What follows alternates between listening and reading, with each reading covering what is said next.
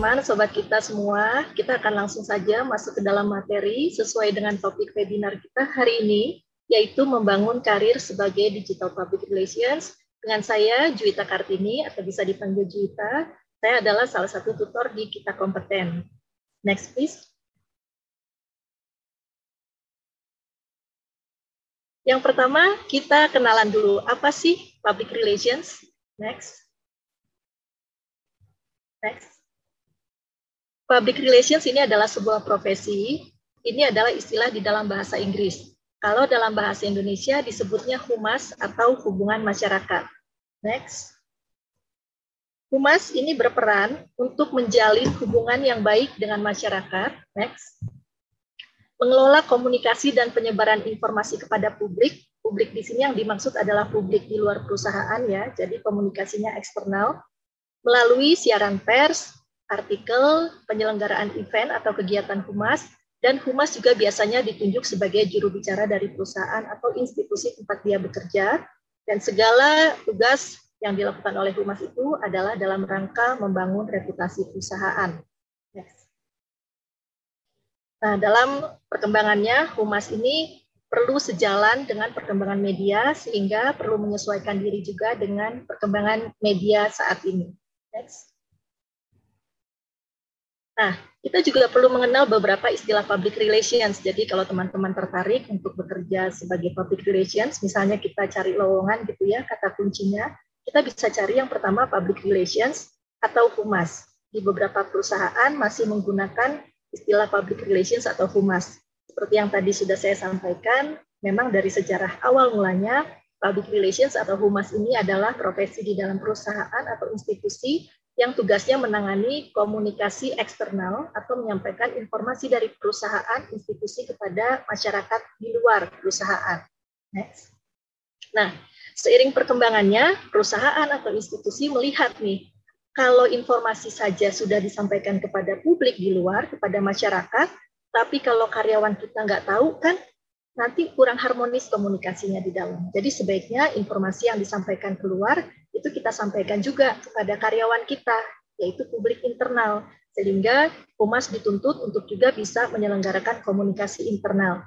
Nah, karena komunikasinya bukan hanya keluar kepada publik, tapi juga kepada karyawan, maka dibuatlah sebuah istilah baru, yaitu corporate communication.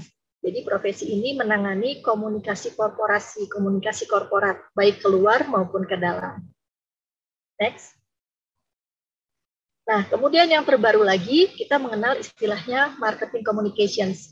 Jadi semakin ke sini, perusahaan melihat bahwa marketing dan humas yang menangani komunikasi ini sama-sama menyampaikan informasi dan promosi keluar nih, sama-sama handle mengelola komunikasi. Dan tugas-tugasnya ini memang berbeda tapi beririsan dan bisa saling menunjang kenapa nggak kita jadikan satu aja? Jadi kita buat profesi namanya marketing communications. Jadi kalau teman-teman misalnya mencari lowongan pekerjaan humas, teman-teman bisa mencari public relations, humas, corporate communications. Ini pada umumnya menangani komunikasi eksternal, keluar dan internal. Dan kalau teman-teman menemukan lowongan marketing communications, ini juga memerlukan keahlian kompetensi humas, plus teman-teman perlu juga memiliki pengalaman atau kompetensi yang terkait dengan marketing. Nah, sekarang kita akan lihat ya, di mana sih bedanya humas atau PR dengan marketing. Next. Nah, ini saya buatkan pembagiannya. Kalau public relations itu segala tugas perannya eh, komunikasi yang dilakukan itu fokus pada perusahaan.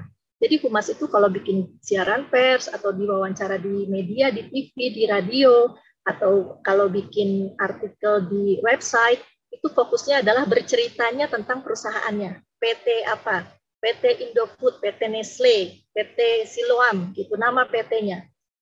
Dan segala informasi, segala artikel, tulisan, eh, wawancara kita itu kita lakukan dalam rangka memberikan informasi seputar perusahaan.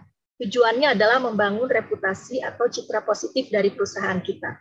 Sementara marketing dalam mengelola komunikasi fokusnya pada produk atau jasanya. Misalnya kalau perusahaannya Indofood, marketing komunikasinya tentang Indominya, misalnya gitu produknya. Kalau misalnya perusahaannya Siloam Hospitals Group, kalau marketing bicaranya tentang rumah sakit Siloam yang di Bekasi misalnya, rumah sakit Siloam yang di TB Simatupang gitu. Jadi fokus pada uh, produk atau jasa yang diberikan kepada masyarakat.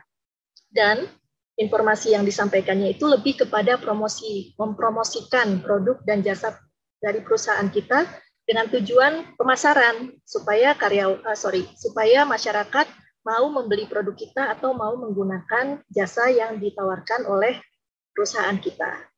Next, saya buatkan contohnya pada slide berikutnya. Nah, ini contohnya. Misalnya perusahaan kita yang di tengah itu ya, namanya PT Intiboga.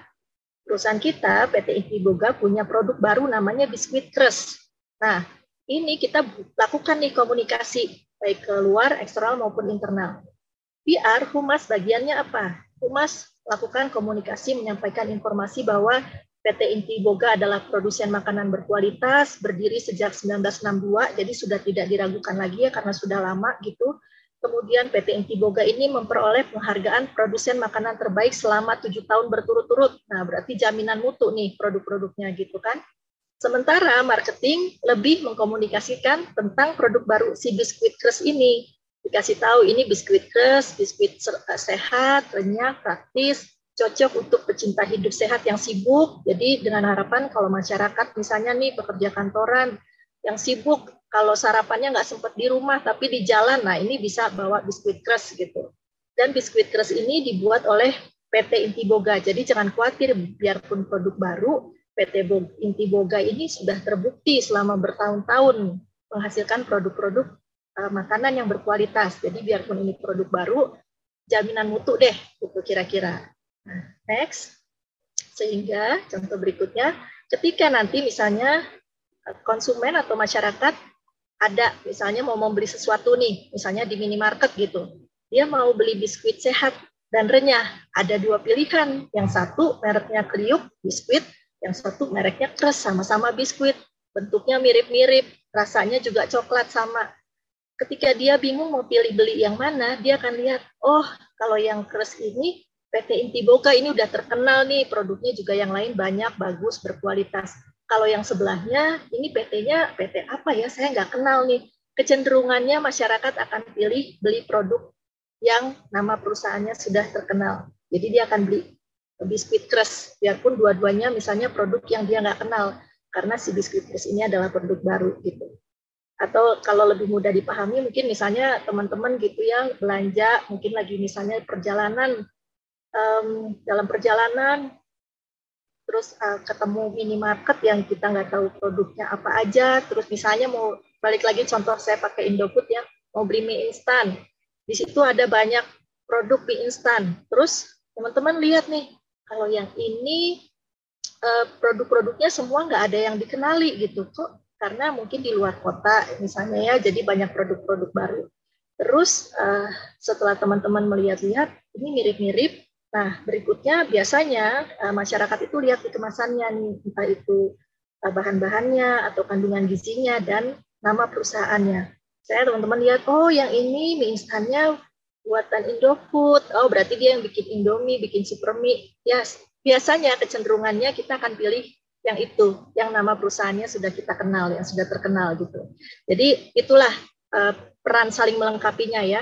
Jadi humas atau PR bertugas membangun reputasi perusahaan supaya terkenal sehingga kalau eh, masyarakat bingung menentukan pilihan ketika membeli produk atau memilih layanan, maka reputasi perusahaan ini menjadi salah satu pertimbangan yang akhirnya mengarahkan masyarakat untuk memilih produk dan jasa perusahaan kita. Dan sebaliknya, kalau produk kita bagus, marketingnya hasilnya bagus, si uh, biskuit keras ini nanti penjualannya meningkat, disukai masyarakat dan lain-lain, ini juga akan membantu reputasi perusahaan karena nanti humas di dalam komunikasinya di dalam siaran pers, wawancara dengan pers bisa bilang salah satu produk kita adalah biskuit keras. Nah, ketika disebut biskuit keras, masyarakat udah tahu, udah kenal, itu juga akan meningkatkan reputasi perusahaan.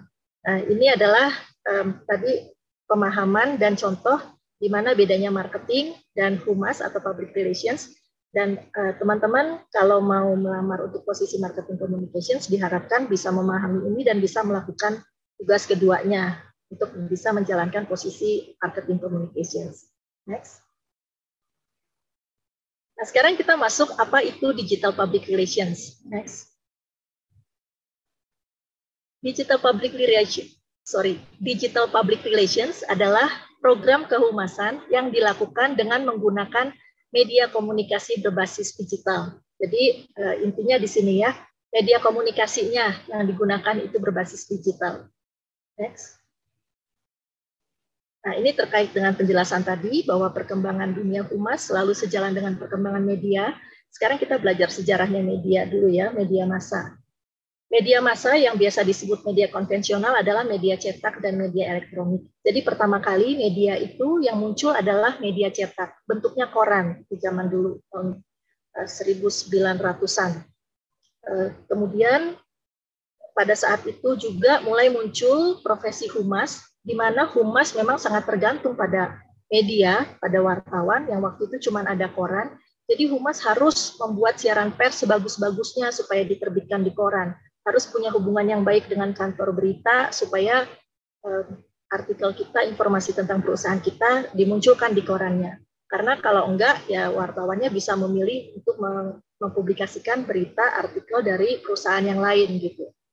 Kemudian eh, seiring dengan Berjalannya waktu, berkembang lagi teknologi, muncullah media elektronik, uh, yaitu radio, awalnya radio. Jadi um, Umas juga menyambut baik karena kalau media cetak koran tuh biasanya informasinya kita sampaikan sekarang, masyarakat bisa bacanya besok karena kan dicetak dulu ya, paling cepat besok pagi. Jadi sudah ada uh, keterlambatan bukan real time gitu. Nah, kalau dengan adanya radio itu bisa lebih real time. Misalnya kita wawancara Eh, mengundang wartawan untuk datang di acara kita saat ini dan dia eh, melakukan wawancara atau siaran langsung dengan kita itu bisa.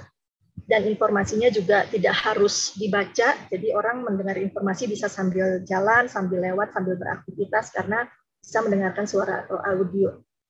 Dan seiring perkembangannya ada TV, nah ini lebih disambut baik lagi karena juga visual. Jadi orang kalau uh, mendapatkan informasi lebih menyenangkan juga mengkonsumsi komunikasi uh, informasi karena ada audio dan visual dalam bentuk televisi. Nah, uh, meskipun demikian, pada media konvensional ini PR masih sangat bergantung pada wartawan gitu karena sekali lagi keputusannya ada di tangan wartawan atau kantor berita apakah informasi kita akan mereka publikasikan atau tidak gitu ya.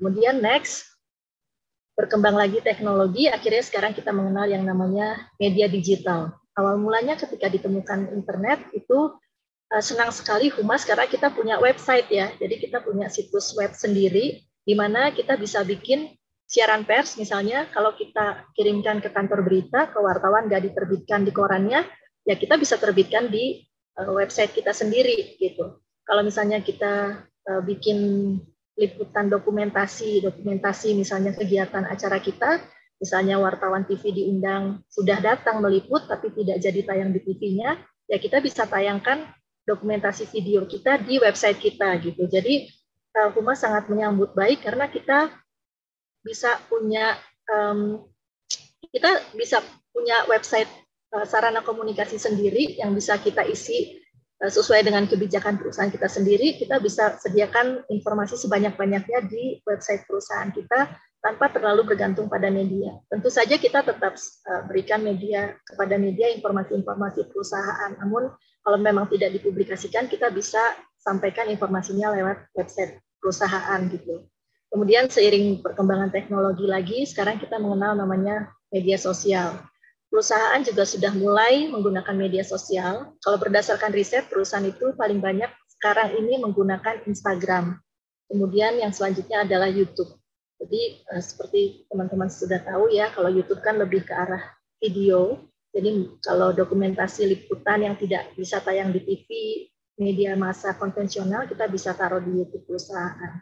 Atau informasi-informasi yang kita sudah sediakan di website, kita bisa buatkan juga kontennya yang lebih uh, ringkas itu di media sosial karena memang karakteristik audiens pembacanya itu berbeda. Kalau website itu biasanya yang membaca adalah calon investor, pemegang saham, wartawan yang memang butuh informasi sebanyak-banyaknya tentang perusahaan kita. Kalau media sosial itu biasanya adalah konsumen, calon pembeli yang mereka itu baca informasinya sambil lewat gitu. Jadi kita bikin kontennya juga lebih yang eh, singkat-singkat padat, mudah dipahami seperti uh, bahasa pergaulan sehari-hari. Nah, seperti ini adalah kondisi uh, hubungannya public relations dan media. Next. Nah, sekarang kita coba akan lihat di mana saja sih setelah kita paham itu semua tadi. Jadi kita kalau mau jadi humas, peluang kerjanya ada di mana aja sih? Next. Berdasarkan riset saya ya, yang pertama di pemerintahan. Pemerintahan biasanya ASN ya, aparatur sipil negara atau dulunya lebih dikenal PNS, pegawai negeri sipil. Ini adalah website resminya dari kantor Kementerian Sekretariat Negara Republik Indonesia ya, kantor presiden biasanya. Ini eh, kita lihat di websitenya dia ada humasnya, jadi teman-teman bisa bekerja di kantor presidenan. Next. Kemudian bisa juga di kementerian. Ini Kementerian Keuangan. Kita lihat juga di situ ada uh, bagian uh, humasnya di situ yang dilingkari merah ya, subbagian komunikasi dan publikasi Biro Umum disebutnya. Ini adalah istilah lain dari humas, fungsinya sama menjalankan komunikasi keluar. Next. Nah, ini kepolisian yang dilingkari merah itu juga kepolisian punya. Ini dia sebut situs resmi uh, divisi Humas Polri. Jadi ada divisi humas di dalam kepolisian Republik Indonesia. Next. BUMN, ini contohnya dari website Pertamina saya ambil di sini uh, dicantumkan nih siapa profilnya bahkan ada fotonya dan namanya yang menjadi di sini disebutnya corporate communication ya. Ini istilah lain dari humas. Jadi tergantung perusahaan apa apa apakah pakainya humas corporate communication atau public relations tapi fungsi yang dijalankan sama aja. Ini di BUMN teman-teman juga punya peluang untuk bekerja di BUMN kalau punya keahlian sebagai humas next Perbankan. Jadi ini dari berita, ada berita Bank Indonesia meraih penghargaan Anugerah Humas Indonesia tahun 2019. Jadi Bank Indonesia juga punya humas dan bank swasta juga punya humas, saya tahu. Eh, jadi teman-teman juga punya peluang untuk bekerja di industri perbankan. Bayangkan di Indonesia ada berapa banyak bank ya, jadi kesempatan untuk eh, bekerja sebagai humas besar sekali. Next televisi atau media. Ternyata televisi atau media juga punya humas. Ini dari websitenya TV One. TV One punya uh, divisi humas, ada dicantumkan juga kontak dari humasnya. TV lain juga Trans TV saya tahu juga punya humas, TV-TV lain juga eh, rata-rata punya humas. Dan di Indonesia kan TV juga banyak dan semakin banyak sekarang ini teman-teman juga bisa berkarir di industri televisi atau media di bagian divisi humas, ada peluang bekerja di sana juga. Next startup. Nah, yang zaman sekarang lagi booming itu kan startup ya. Ini salah satu contohnya Tokopedia raih sederet penghargaan PR Indonesia Award 2022. Jadi Tokopedia punya humas. Startup lain juga saya tahu banyak rata-rata punya humas karena mereka perlu memperkenalkan startupnya kan. Karena kan startup rata-rata baru nih, baru setahun dua tahun. Jadi harus dikenal sama masyarakat. Salah satu tujuannya dikenal itu adalah untuk bagian rekrutmen. Nah, kita Humas juga membantu HRD. Kalau perusahaan kita dikenal, terkenal bagus, punya reputasi bagus, akan banyak uh, kandidat karyawan yang melamar pekerjaan dan semakin banyak orang yang melamar pekerjaan di perusahaan kita, kita punya um, keistimewaan untuk memilih karyawan yang lebih bagus kan dari semua kandidat yang melamar. Kalau kita dapat karyawan yang bagus, maka perusahaannya juga akan lebih mudah maju gitu. Startup uh, menyadari ini jadi memang fungsi humas juga sangat diperlukan di startup dan banyak sekali startup untuk memperkenalkan uh, nama perusahaannya supaya terkenal karena perusahaan yang terkenal itu akan memudahkan juga untuk menjual, memasarkan produk dan jasa perusahaannya sehingga lebih mudah diterima oleh masyarakat. Next. Perhotelan, ini uh, dari berita ya, saya ambil ada Public Relations Crystal Hotel Kupang.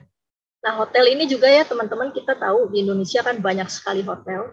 Dan hotel ini humasnya itu uh, pada umumnya adalah mengelola komunikasi di satu unit atau satu uh, gedung uh, hotel itu sendiri gitu. Jadi misalnya Hotel Kristal dia jaringannya seluruh Indonesia ada ada 20 misalnya tersebar di seluruh Indonesia. dari Sabang sampai Merauke. Maka biasanya hotel kristal ini akan butuh 20 profesi 20 orang untuk mengisi profesi humas yang berbeda-beda di 20 lokasi yang berbeda ini gitu. Nggak cuma di Jakarta atau kota besar, tapi di mana pun hotel kristal ini beroperasi. Jadi teman-teman yang berdomisili di mana pun, nggak cuma Jakarta atau kota besar, peluangnya untuk menjadi humas itu sangat terbuka. Di Indonesia kan hotel banyak sekali ya, dan orang uh, industri perhotelan sangat butuh dengan humas karena yang ditawarkan adalah jasa ya. Jadi untuk industri jasa untuk membuat reputasi perusahaan dikenal itu juga sangat penting buat industri perhotelan. Next. mall atau retail. Ini contohnya yang dilingkari adalah um, kutipan dari wawancara PR PR Manager Grand Indonesia Shopping Mall. Mall atau retail juga mirip ya dengan tadi hotel itu banyak sekali di Indonesia jaringannya juga dan biasanya juga seperti itu. Uh, biarpun nama perusahaannya misalnya uh, perusahaan Agung Sedayu, Agung Sedayu punya mall banyak di Jakarta, Bekasi, Cikarang. Nah, setiap mall itu akan perlu rumah sendiri di dalam mall di area itu gitu. Jadi banyak sekali huma, uh, mall di seluruh Indonesia retail, industri retail, jadi peluang kerja untuk humas juga sangat terbuka. Next. Rumah sakit atau layanan kesehatan ini juga ya mirip dengan hotel dan mall, banyak sekali peluangnya. Next. Pendidikan. Pendidikan ini contohnya dari Universitas Indonesia, Universitas, selain universitas, sekolah juga mulai eh, banyak menggunakan humas untuk publikasi penyebaran informasi keluar. Dan kita tahu juga ya, sarana pendidikan universitas juga makin banyak, sekolah juga makin banyak, sekolah-sekolah taraf internasional, swasta juga, terutama swasta yang paling banyak membutuhkan humas. Jadi peluang kerjanya juga banyak dan di seluruh Indonesia. Next yayasan. Jadi nggak cuma uh, di lembaga pemerintahan BUMN, uh, eh, perusahaan yang badan usaha, tapi yayasan-yayasan pun memerlukan humas. Bayangkan begitu besarnya uh, apa peluang bekerja sebagai humas. Yayasan nggak cuma yayasan pendidikan, ini kebetulan contohnya yayasan pendidikan. Yayasan sosial juga banyak yang memerlukan humas. Jadi kalau teman-teman yang tertarik bekerjanya bukan di badan usaha, bisa bergabung menjadi humas di yayasan. Next. Nah ini PR agency atau konsultan humas. Kalau nggak tertarik bekerja di badan usaha perusahaan, yayasan juga nggak tertarik, maunya agency sebagai konsultan. Nah banyak juga PR agency atau konsultan humas yang uh, tugasnya adalah membantu perusahaan-perusahaan, biasanya perusahaan asing yang di Indonesia hanya punya kantor perwakilan dengan jumlah karyawan terbatas dan nggak ada karyawan humas yang khusus pegang Indonesia biasanya humasnya ditempatkan di regional kalau Asia Pasifik itu kalau nggak di Singapura di Hong Kong. Jadi eh, mereka nggak punya humas khusus di Indonesia karena komunikasinya itu terintegrasi tingkat regional Asia Pasifik. Nah, jadi kalau mau menyebarkan informasi atau bikin kegiatan-kegiatan kehumasan, perusahaan-perusahaan ini akan menghubungi kantor konsultan humas atau PR agency yang ada di Indonesia untuk menjalankan fungsi humasnya. Baik itu untuk kegiatan-kegiatan um, satuan gitu ya ad hoc khusus bikin satu event doang gitu atau bikin konferensi pers doang gitu atau bisa juga kontraknya jangka panjang untuk lima tahun atau untuk tiga tahun gitu. Nah di PR agency atau konsultan humas ini butuh banyak sekali tenaga ahli kehumasan karena uh, kliennya perusahaan yang dibantu itu kan juga banyak. Jadi teman-teman juga kalau tertarik bekerja di konsultan humas bisa Eh, cari-cari lowongan di PR agency atau konsultan humas. Next. Nah, tadi itu peluang kerjanya sudah kita lihat ya banyak sekali. Sekarang apa aja sih tugasnya humas? Next. Ini saya cari dari internet ya, dari lowongan pekerjaan. Uh, untuk staf humas di PT Pusaka Zaman Raja, deskripsi pekerjaannya teman-teman bisa sambil baca juga ya. Ini uh, menciptakan hubungan baik dengan pihak di luar perusahaan, menjaga uh, hubungan baik antara organisasi dengan pihak media ya. Media selalu ada dalam fungsi humas.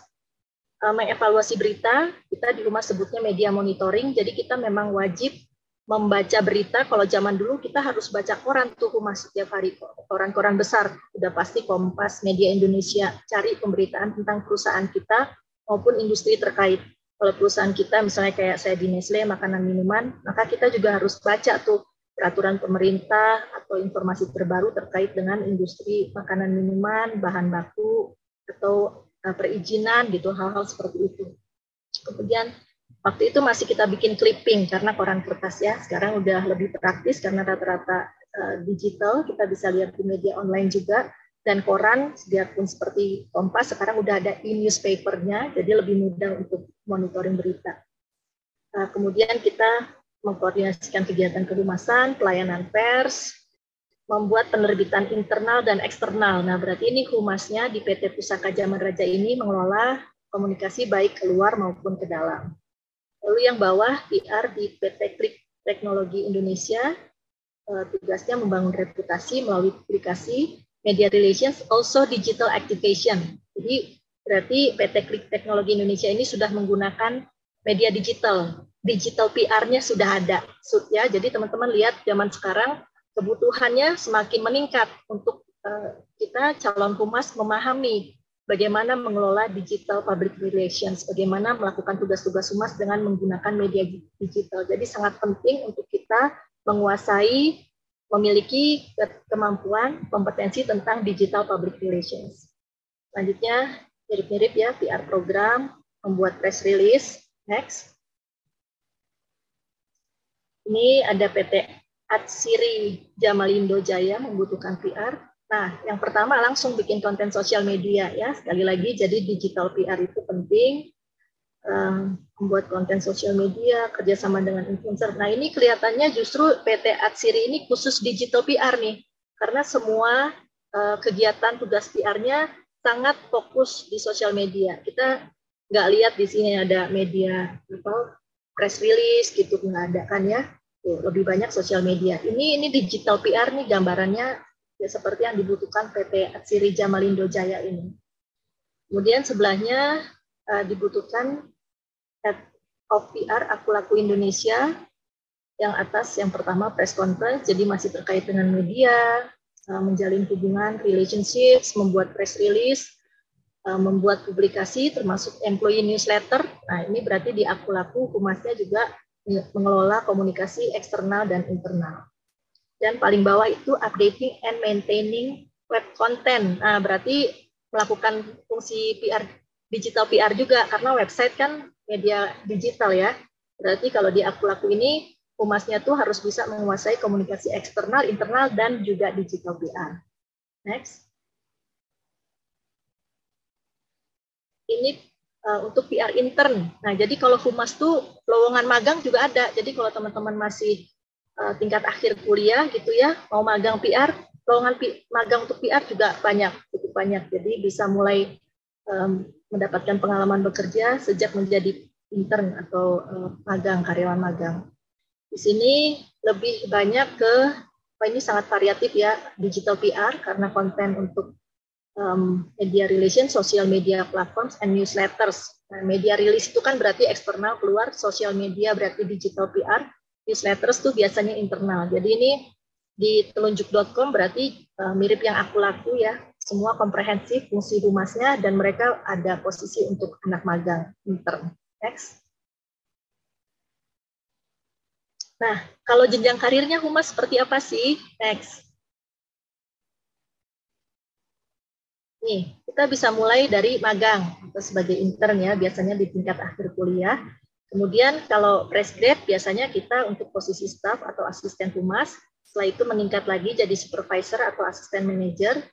Um, biasanya kalau supervisor atau asisten manager ini sudah memerlukan pengalaman kerja antara 2 sampai 5 tahun. Kemudian meningkat lagi manager atau head of PR atau kepala departemen PR atau kepala divisi PR. Ini biasanya dibutuhkan pengalaman antara 5 sampai 10 atau bahkan uh, di atas 10 tahun.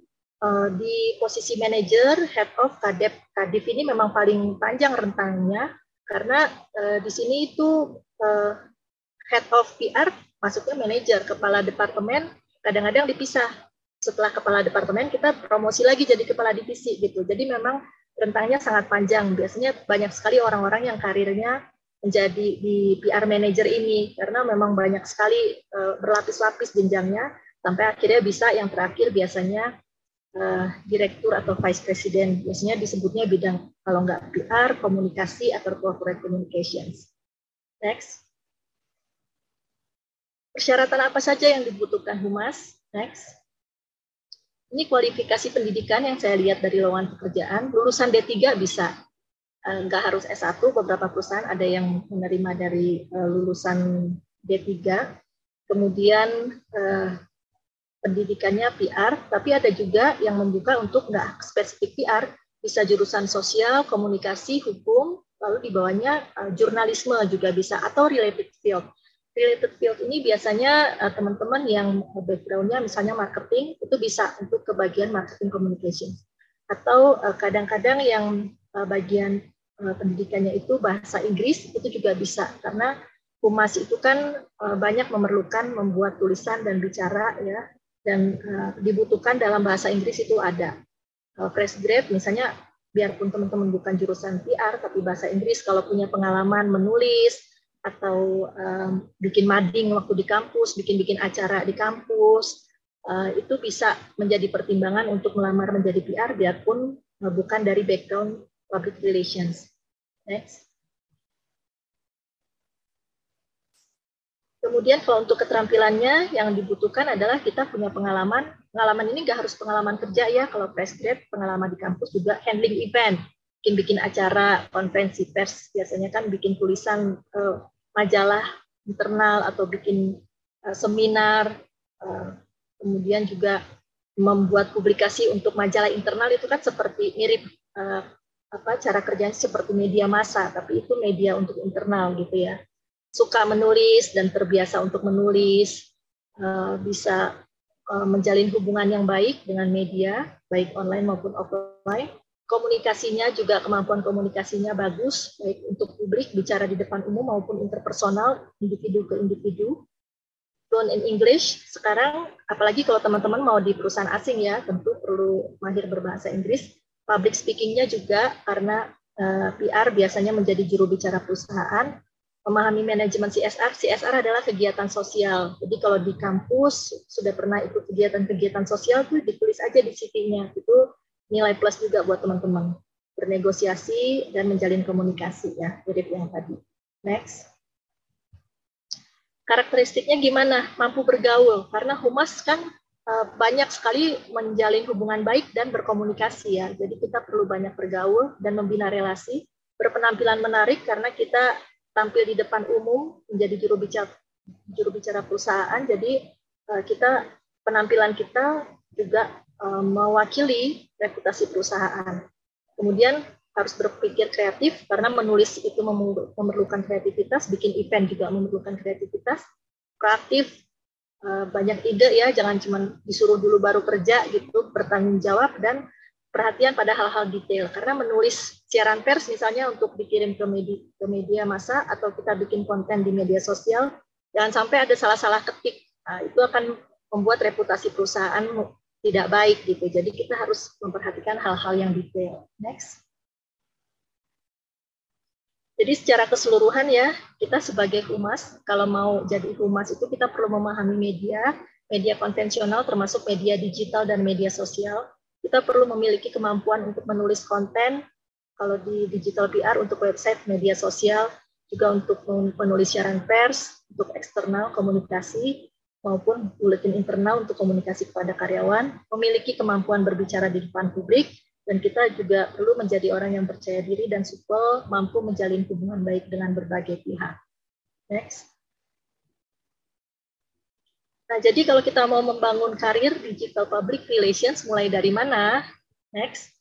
Saya sih menyarankan coba belajar dulu tentang digital public relations, karena ini adalah kebutuhan utama yang sangat diperlukan di berbagai perusahaan di zaman sekarang, di era digital ini. Jadi biarpun teman-teman sudah bekerja sebagai humas, sudah berpengalaman, sudah biasa menulis press release, sekarang kita perlu belajar menulis konten untuk media sosial. Menulis untuk media sosial sedikit berbeda dengan menulis untuk website dan berbeda lagi dengan menulis uh, siaran pers untuk diterbitkan di koran. Nah, apa bedanya? Itu dibahas di dalam uh, kelas prakerja kita kompeten menyelenggarakan program kehumasan digital untuk pegawai humas atau digital public relations, di mana saya di sini uh, trainernya. Kalau teman-teman mau belajar di kelas ini. Kita akan sama-sama nanti membahas bagaimana merancang program kerja digital PR, membuat konten untuk website dan Instagram, merencanakan jadwal posting atau publikasi, mengidentifikasi hardware dan software yang diperlukan, dan mengevaluasi program perumahan digital. Mungkin kita sudah terbiasa ya dengan punya masing-masing sosial media Instagram misalnya. Tapi apakah sama posting di Instagram dengan posting untuk humas di mana kita merepresentasikan perusahaan gitu ya. Kalau posting di Instagram mungkin kita bisa posting foto selfie, terus captionnya cuma mau bilang besok udah weekend, gitu mungkin bisa ya kalau personal. Tapi kalau kita mengelola Instagram uh, corporate, apakah seperti itu masih oke okay, atau sebaiknya jangan atau gimana? Nah teman-teman bisa belajar di kelas ini. Demikian dari saya, semoga uh, teman-teman bisa mendapatkan informasi seputar tentang digital public relations dan saya balikin lagi selanjutnya ke Kak Ola. Silakan Kak Ola.